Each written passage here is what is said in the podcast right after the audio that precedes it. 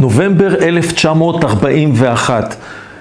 תאריך מאוד מאוד חשוב, מאוד משמעותי, אולי אפילו סוג של תפנית, הפגישה של אה, חאג' אמין אל-חוסייני עם, אה, עם היטלר, פגישה שהוא מאוד מאוד ציפה לה, כמו שאמרנו בהרצאה הקודמת, הוא כבר נפגש עם מוסליני, הוא כבר נפגש עם המנהיג הפשיסטי של, אה, של איטליה, שם הייתה לו בקשה, הייתה לו ציפייה מאוד מאוד חשובה, מאוד משמעותית, היא בעצם הייתה המוקד של כל הציפיות שלו, הוא ציפה שתהיה הכרה של מדינות הציר בעצמאותם של המדינות הערביות, כמובן בהנהגתו של אה, אה, חאג' אמין אה, אל-חוסייני. באופן אולי נסתר, אולי לא, ישנה תחרות בין חאג' אמין אל-חוסייני לבין רשיד אל-חילני, מי שהיה ראש ממשלת עיראק, על אותה משרה. שניהם היו בטוחים שהם צריכים להיות מנהיגי האומה הערבית, מנהיגי המדינה הערבית הזאת שתוקם בעקבות הניצחון המצופה והמיוחל של מדינות הציר אה, במלחמה הזאת. צריך להבין שמבחינתו של חוסייני הוא היה מה שנקרא fair enough, הוא היה, הוא היה ש, כמדבר ש, ש, שווה אל שווים. אני מנהיג של 300 מיליון ערבים, והיטלר הוא מנהיג של, ה, של, ה, אה, של הגרמנים והצבא שלהם, וכרגע אני בא לסוג של משא ומתן. ככה התייחס לזה חוסייני, והוא ציפה, למרות שהוא היה פליט, צריך לזכור שהוא היה פליט, הוא אה, אה, נרדף על ידי הבריטים, ואם הוא היה חוזר בחזרה לכל מקום שבו הבריטים שלטו, הוא מן הסתם היה נכלא ונשפט, אולי אפילו נתלה, אה, כי הוא הנהיג ובעצם היה מחולל של פעולות. אה, אנטי-בריטיות, פעולות אה, אה, אה, טרור למיניהם, ודברים ידועים, ודיברנו עליהם בהרצאות הקודמות, הרי הוא בורח, אה, אה, הוא בורח מהבריטים כמה וכמה פעמים, דיברנו על זה בפעמים הקודמות. אבל כאן, בשעה הזאת, כשהוא נפגש עם היטלר, אה, הפגישה הזאת, אה, כמו שאמרנו, לה, היו, היו לו ציפיות מאוד מאוד גדולות. אה, היטלר נותן חשיבות מאוד מאוד גדולה לפגישה הזאת. יש אומרים שהפגישה הייתה, היה בה איזה קצת מתחים, חוסר הבנה מנטלי. אה, אה, בין האנשים, רואים אותם יושבים כל אחד על הקצה של הכיסא, אה, אבל השיחה הייתה ערה, שעה וחצי. הוא לאחר מכן מפרט בזיכרונות שלו. חאג' אמין אל-חוסיין מפרט בזיכרונות שלו את הדברים שנאמרו באותה שיחה, וכמובן, מי היה על ה, מה שנקרא, על הגריל של השיחה הזאת? היהודים. ובמקום הזה מספר חוסייני שהיטלר מגלה את אוזנו באחד הסודות השמורים ביותר באותה שעה, וזה התוכנית להשמדת יהדות אירופה. הוא אומר לו את זה במילים מאוד מאוד ברורות, שהוא מתכוון לטפל אה, אה, אה, ביהודים, אה, אה, בארצות שהם שולטים, בארצות שהם לא שולטים, נעשה את זה בשלבים. אני רוצה להזכיר שאנחנו נמצאים בנובמבר 41, וועדת אה, ונזה היא ועדה שאותו אה, אה, כינוס, אותו קונגרס, אותו מקום שבו אה, לא מחליטים על הפתרון נוספי, אלא מכריזים עליו, ואומר התוכנית להשמדת יהדות אירופה, היא רק ב-20 בינואר. בינואר 1942, כחודשיים כמעט לאחר מכן. אבל כאן הוא מגלה את אוזנו, הוא רואה בו שותף, לא רק שותף סוד, הוא רואה בו הרבה מעבר לזה. הוא רואה ב, ב, בתמיכה של הערבים, במהלכים של הגרמנים, עוד לגיטימציה. וכאן צריך לומר משהו. אה, ישנו ויכוח בקרב האקדמאים שעוסקים, בקרב החוקרים של חוקרי השואה, האם התהליך הזה, או מדויק יותר, האם השמדת יהדות אירופה היא הייתה סוג של אה, אה, אה, תהליך שהתפתח בלי כוונה, או שמא מדובר במשהו שנעשה מלכתחילה בשלבים על ידי, על ידי היטלר. אני לא, לא חוקר של, ה, של התקופה, ואני גם לא יכול להכריע בין הדברים, אבל דבר אחד ברור. דבר אחד ברור, אם כך ואם כך, מדובר בפעולה התפתחותית, הסתה נגד יהודים, אפלייתם, שלילת רכושם, לאחר מכן אה, אה, אה, כניסתם, הכנסתם לגטאות, ורק לאחר מכן הובלותם כצאן לטבח. למשרפות וכולי וכולי, דברים ידועים ולא צריך לחזור עליהם. היטלר היה צריך את הלגיטימציה, קודם כל של הציבור שלו. לא לחינם את מחנות ההשמדה הראשונים הוא עושה במקומות מרוחקים ממקומות יישוב, כן? בהתחלה בכל מיני מקומות אה, במזרח אירופה, הוא לא מעז לעשות את זה בצורה גלויה, הוא לא מעז אה, אה, לעשות את זה במקומות שבהם תהיה עליו ביקורת. וכאן, כשיש לו את התמיכה הזאת, וגם יש לו השראה, יש לו השראה, וגם דברים נאמרו, יש לו השראה קודם כל של כיצד העולם שתק כשהארמנים סליח, נטבחו על ידי המוסלמים בטורקיה. העולם שתק, הוא גם הכיר היטב היטב את בני בריתו היפנים ומעשי הטבח הנוראים, האכזריים, שאין לתאר, שהם עשו במלחמת אה, יפן-סין, ומעשי הטבח ש, שפשוט מזוויעים שהם, שהם ביצעו בהוצאות להורג המוניות, והעולם שתק. הוא אומר, כאן יש לי גם את התמיכה, יש לי גם את התמיכה של הערבים. אבל תכלס, מה יצא מהפגישה הזאת? הוא גילה לו שהוא הולך להשמיד את היהודים. האם חוסייני קיבל את מבוקשו? התשובה היא לא, הוא לא קיבל את מבוקשו. ותכף גם כן נסביר למה. אתם יודעים מה? חוסייני התחנן לפניו, אומר, לי, אומר לו, תשמע, תן לי הצהרה סודית. אמר לו, לא, זה רק אחרי שנגיע לדרום הקווקז. שאנחנו כבר נישא את עינינו לכיוון, אה, אה, אה, לכיוון המזרח התיכון וכיבושה, אז אני אדבר איתך על זה. כרגע זה עוד לא הזמן, זה עוד לא הזמן. אפילו הצהרה סודית הוא לא מוכן לתת לו.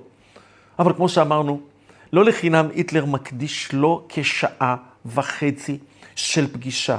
הפגישה הזאת הופך, הופכת להיות אופרטיבית מבחינת התפקידים והמשימות שייקח על עצמו מנהיג האומה הערבית מבחינתו של היטלר באותה שעה, ויממש אותה מיד לאחר מכן. עכשיו צריך לומר פה משהו אה, נוסף ומאוד מאוד חשוב. מה היה היחס של הנאצים לערבים? אני מדבר על, על, על, על תורת הגזע, על תורת הגזע. אה, מה, מה היה היחס שלהם? וכאן צריך לומר שמלכתחילה בתורת הגזע, הערבים לא נחשבים מה, מהמשובחים שבגזעים. הם לא ארים, הם לא אה, אה, אה, גזע נושא תרבות. הם הרבה הרבה פחות מזה, הם, הם קצת מעל היהודים. הם קצת מעל היהודים, הם עמי המזרח. באיזשהו מקום הוא אה, מתבטא על, ה, על הערבים, לא בטוח שהתרגום הזו נכון, יש כל מיני תרגומים, הוא אומר להם, חצאי קופים מצובעים, איזה סוג של קוף אה, אה, פרימיטיבי כזה, הרוצים להרגיש את טעם השוט. ככה הוא חושב על הערבים. אגב, זה נאום שהוא נתן ב-1939, אחרי שהם כבר מבצעים כל מיני שינויים בהתאם לברית, ה, בהתאם לברית החדשה אה, שיש להם. אז, אז, אז הם לא רואים לבוא בחברה ארית, הם גם לא רואים לשלוט, הערבים מבחינתו של, ה, אה, מבחינתו של היטלר אה, ותורת הגזע. אבל אה, אידיאולוגיה לחוד ופרקטיקה לחוד. ואם צריך, נתאים את האידיאולוגיה לפרקטיקה. אני רוצה לחזור קצת אחורה, קצת אחורה מ-1941. בשנות ה-30, גרמניה הולכת אחרי שבעצם מתנערת מהסכמי ורסאי, ועושה מה שבראש שלה, והיא בעצם אה, שמה על השולחן את האפשרות של מלחמה, מלחמת עולם חדשה, אחרי מלחמת העולם הראשונה. זה שוב נמצא על השולחן, והעולם אומנם מנסה להתחמק מזה, אבל כולם מבינים שבסופו של דבר זה יכול לפרוץ. הם מנסים לעשות את הכל כדי לדחות את זה. הם מנסים לעשות את הכל כדי אה, אה, אה, שזה, שזה, שזה לא יקרה, אה, כן? להתעלם מכל סימני האזהרה. אבל גם בריטניה וגם גרמניה מבינים שכשתהיה מלחמת עולם נוספת, יש לשון מאזניים. ולשון המאזניים הם 300 מיליון ערבים. שכרגע הבריטים והצרפתים שולטים על רוב רובם של הארצות המוסלמיות והערביות בעקבות מלחמת העולם הראשונה ותוצאותיה, ועדת סן רמו וכולי. ו, והשאלה היא, לצד מי יעמדו הערבים כשתפרוץ כזאת מלחמה? וכל אחד מהצדדים עשה ככל שביכולתו להביא את הערבים לצד שלו. הבריטים בשביל זה בגדו בנו בצורה הכי מכוערת שיכולה להיות. כל הספרים הלבנים, עד הספר הלבן של 1939 נחשב בגידה. בן גוריון מתבטא בביטויים נוראים ואיומים. כשיוצא הספר הלבן של 1939, הוא כותב לפולה, בגידה, בגדו בנו. הם בעצם מחקו את הצהרת בלפור. לא כי הם היו כאלה נוכלים, אלא כי הם עשו את הביזנס. בואו, מחר יש לנו מלחמה עולמית עם גרמניה, ואנחנו רוצים לנצח, וזה פרקטי להיות בצד של הערבים. זה לא פרקטי להיות בצד הצודק או לקיים את ההבטחה. אתם מכירים את זה, גם הפוליטיקה שלנו הרבה פעמים מדברת באותה שפה. הגרמנים מצידם, גם כן לא שקטו על השמרים, גם הם רצו את הערבים בצד שלהם. וזה אה, מלבד האהדה העצומה שדיברנו עליה בהרצאה הקודמת, שבאה מארצות ערב, ועם מנהיגים ערבים, ועם אנשי דת ערבים, והמרחוב הערבי, אל הנאצים, יש גם צד שני. הגרמנים צריכים להאיר פנים, ולכן מתחילים קצת שינויים במיינקאמפ, ואולי אחד הסמלים של זה, זה שנדמה לי שכבר ב-1935, בעצם מנהיג התעמולה, מוביל התעמולה הנאצית, יוזף גבלס, נותן הוראה לא להשתמש יותר במילה אנטישמיות, כי זה פוגע בבני הברית הערבים שהם שמים, להשתמש בנגד יהודים, אנטי יהודים, נגד יהודים בלבד.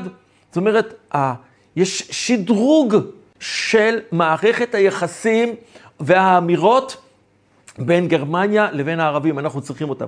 אחד הביטויים המעניינים שמראה את, ה, את הגמישות של תורת הגזע, זה ביטוי מאוד מעניין שנקרא ארים של כבוד.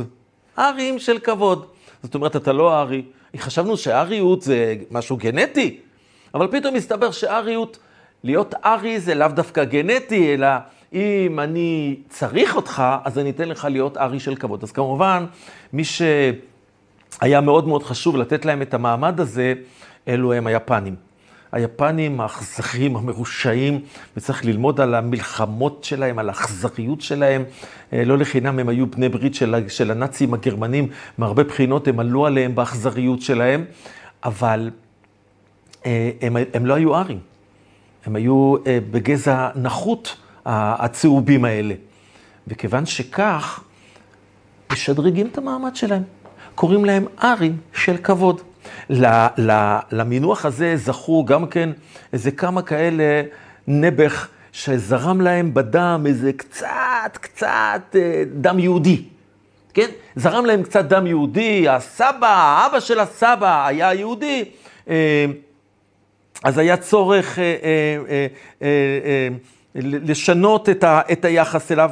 אחד מהאנשים האלה שזכה לתואר אה, אה, ארי של כבוד היה יהודי, לא היה יהודי אגב, הוא לא יהודי, אבא של סבא שלו יהודי, מישהו בשם אה, גונטר אה, בורשטיין. הוא היה אגב כנראה מממצ... מה, מהראשוני ממציאי הטנק. היה שייך לתעשיית הנשק הגרמנית. אז הוא קיבל מעמד של ארי של כבוד. ועוד איזה מישהו שהיה חבר טוב של היטלר, קיבל מעמד של ארי של כבוד. מי השלישי שקיבל את המעמד ארי של כבוד? ניחשתם נכון. ידידנו, מיודענו, חאג' אמין אל-חוסייני. גם הוא ארי של כבוד. גם הוא, אנחנו חפצים בעיקרו, ואנחנו מעקמים את תורת הגזע. אה, הם נתנו לזה נימוק. אתם יודעים שאימלר, בהתחלה לא כל כך אהב את הרעיון להיות בקשר. הימלר, מפקד הגסטאפו, מפקד האס-אס, מי שבעצם הוציא לפועל את השמדתם של יהודי אה, אה, אירופה, ניהל את כל העסק הזה, אה, את כל מעשי הרצח הנוראיים האלה, והוא היה צריך להיות בקשר עם, עם מיודענו חאג' אמין אל-חוסייני. בהתחלה הייתה לו רתיעה ממנו, ואז הוא גילה שיש לו עיניים בהירות, ושיער בהיר, אמר, אה, אה, אה, אה, אה, יש לו דם טוב, יש לו דם צ'רקסי, הוא, אה, יש בו משהו ארי, אז הוא משלנו. אבל זה לא העניין, הם נתנו לו מעמד להיות ארי של כבוד. שימו לב, יפנים, אנשים בכירים ביותר, שזרם להם טיפ-טיפה דם יהודי במערכת הנאצית, קיבלו ארי של כבוד, וחאג' אמין אל-חוסייני קיבל מעמד של, אה, של, של ארי של כבוד. שוב, מי שצריכים אותו, ומי שיאמר לנו עוד פעם, הוא היה שולי, הוא היה זניח, אם הוא היה שולי, היה זניח, הוא לא היה מקבל את המעמד הזה. הדברים האלה הם מאוד ברורים אה, אה, ופשוטים. אבל כאן צריך להוסיף באמת, ובכנות, דבר אחד נוסף. היטלר העריץ את האסלאם. היטלר תאב את הנצרות. הוא ראה בנצרות איזה ענף של היהדות, לא פלא, מי שבעצם הביא את הנצרות לעולם, הם היו, ה, אה, הם היו היהודים, על, על מוחמד הוא אומר ככה, הנביא היחיד שאני מעריץ הוא הנביא מוחמד. הדת היחידה, אותה אני מכבד, היא דת האסלאם. אה, כן, אני רוצה להקריא לכם דברים שכותב גבלס. הוא אומר, הפירר דתי מאוד, אם כי אנטי נוצרי לחלוטין. הוא רואה את הנוצרי כסימפטום של ריקבון, ובצדק. זה הענף של הגזע היהודי. אין ליהדות והן לנוצרים, אין נקודת מגע עם היסוד החייתי. אתם מבינים? אם אתה לא חיית טרף, אתה לא ארי. כן? זה, זה, זאת תפיסת עולם. ולכן בסופו של דבר, הם ישמדו, אם אתה רוצה להתקיים בעולם, אתה צריך להתנהג כמו אה, חיית טרף. אז גם היטלר וגם הימלר הם ראו באסלאם דת של גברים. עכשיו צריך להבין, זה פרקטי. זה פרקטי. יהיה לנו יחידות צבא מוסלמיות. אגב, היטלר הכיר את החיילים המוסלמים במלחמת העולם הראשונה, הוא נלחם לצידם. הכיר ומאוד מאוד העריך את הגבורה שלהם, ובמיוחד במיוחד את הנכונות שלהם למות למען האסלאם, למען הקוראן, למען מוחמד. זאת אומרת, היה משהו שסחף אותם, היה להם אידיאל, היה להם כוח מניע. והוא רואה את, ה, את, ה, את הקנאות הזאת לקוראן הקדוש וכולי, ככה הם אה, כינו את הדברים. הוא אמר, זה, זה יסייע לנו, נגייס, אנחנו נגייס דיוויזיות כאלה לצבא הציר. ואנחנו אה, נקבל עוד נקודות לקראת הכרעה של, אה, אה, של בנות הברית, של בריטניה וצרפת ואמריקה ושאר המדינות ש, שהצטרפו כדי להילחם במדינות הציר. והוא ציפה גם יותר מזה. הוא ציפה, מעבר לכל הדברים האלה שהזכרתי, שהערבים במדינות שבהם יש את המשמר, את המשטר הקולוניאליסטי הבריטי והצרפתי, יעשו שם מהומות, כמו אגב, שהיה בכמה אה, חודשים לפני הפגישה של היטלר, ביוני, בסוף מאי, תחילת יוני, אה, פרעות הפרעות בעיראק, שיערערו את השלטון הבריטי, ואולי יעשו בו מהפכות ויתחלף שם השלטון, וזה יקל עליו את, ה, את הפעולות שלהם. עכשיו, כמו שאמרנו, עם מה הוא יוצא משם? אז הוא יוצא משם עם כמה משימות. הוא יוצא קודם כל עם המשימה להיות בעצם ה... הקומיסר, ה... איך נסביר, איש ההסברה, ההשפעה, המוביל הרעיוני בכל מדינות ערב של הקול הנאצי ושל תמיכה במדינות הציר. אחד האמצעים שעוד נדבר עליו זה רדיו ברלין, שהוא מקבל לרשותו, הופך להיות מפקד רדיו ברלין, ועוד נדבר על זה. כמובן, הוא גם עוסק בגיוס של חיילים. אבל אני לפני כן רוצה אה, לדבר על משהו לכאורה שולי, אבל הוא לא שולי. אתם יודעים, הרבה פעמים אומרים, אומרים, לך אחר הכסף. תראה מי מממן ואת מי מממן. אם מישהו ממומן על ידי מישהו, הווה אומר שיש קשר בין הדברים. או יש הערכה, תלוי גם כן כמה משלמים. הדבר הזה הוא גם כן מאוד מאוד משמעותי.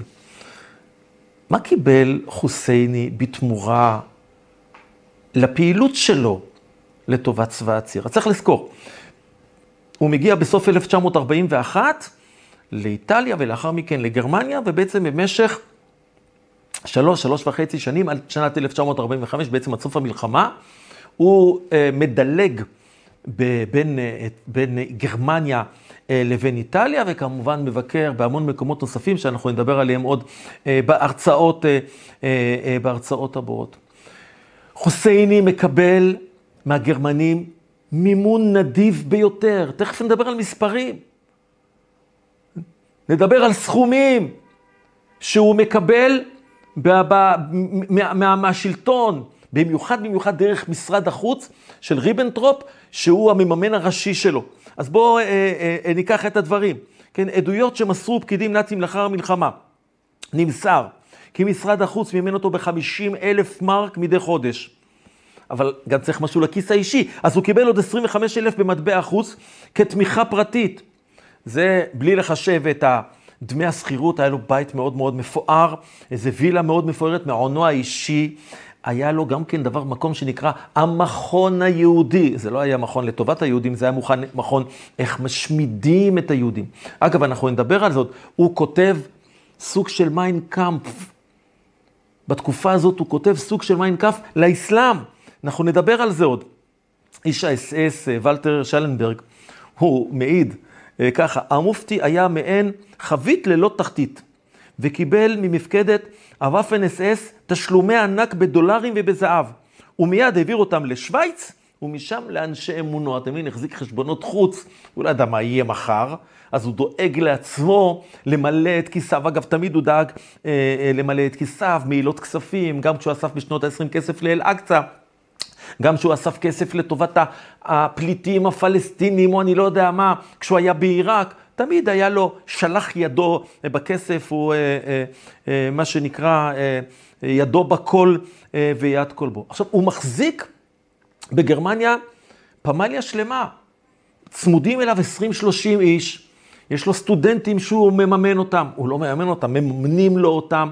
רשימה ארוכה ביותר של אנשים, ביניהם אנשי אקדמיה ערבים, אני אזכיר אה, דוקטור פרחן אל-ג'נדלי, דוקטור מוחמד סובחי אבו גנימה, מוחמד אל-עפיפי, רשימה ארוכה ודי מכובדת של הדברים. ואולי נסיים את ההרצאה הזאת בביקור מאוד מעניין, שמקיים חביב כנען, חביב כנען, אה, עיתונאי, היה אז עיתונאי בארץ, עיתון הארץ אה, אה, היה איש המשטרה הבריטית וגם חוקר, כתב כמה ספרים מאוד מאוד חשובים. הוא מספר שבשנת 1969 הוא נסע לגרמניה לראיין כל מיני נאצים על האירועים שהיו בזמן המלחמה. אחד מהאנשים המעניינים שהוא פוגש זה פרנץ גרובה. פרנץ גרובה היה הקונסול הגרמני בעיראק לפני הפרעות, בהסתה, בכל האנטישמיות הגדולה ביותר. אני קצת מתפלא איך הוא לא נשפט במשפטי נירנברג, האיש הזה, אולי בגלל שהוא היה יותר ביחסי חוץ, כן, הוא רק עשה את ההכנות אה, לקראת ההשמדה של, ה, אה, של היהודים. ו, אה, והוא אומר ככה, אותו גרמני נאצי, והוא בן 82 שהוא אומר את זה, הוא מספר על חאג' אמין אל-חוסיין, הוא אומר ככה, סיפקנו לחאג' אמין הכל, דאגנו לו שלא יחוש עצמו בודד. נשים גרמניות, צעירות ויפות, שימשו לו מארחות. הן היו מתחלפות כדי לגוון את חייו הקשים של הגולה הדגול, דמעות, דמעות, חייו הקשים של הגולה הדגול. חאג' אמין אל-חוסייני לא היה סתם אדם מבחינת הגרמנים, הוא היה מנהיג האומה הערבית. הוא מקבל את היחס המתאים, בממון, בכבוד, בהתייחסות של ראשי הממשל, אליהם הייתה, היה לו קשר ישיר. בהרצאה הבאה אנחנו אה, נדבר על התעמולה הנאצית, על השימוש שלו ברדיו ברלין, על המיין קאמפ שכותב חאג' אמין אל-חוסייני. תהיו איתי גם בהרצאה הבאה. תודה.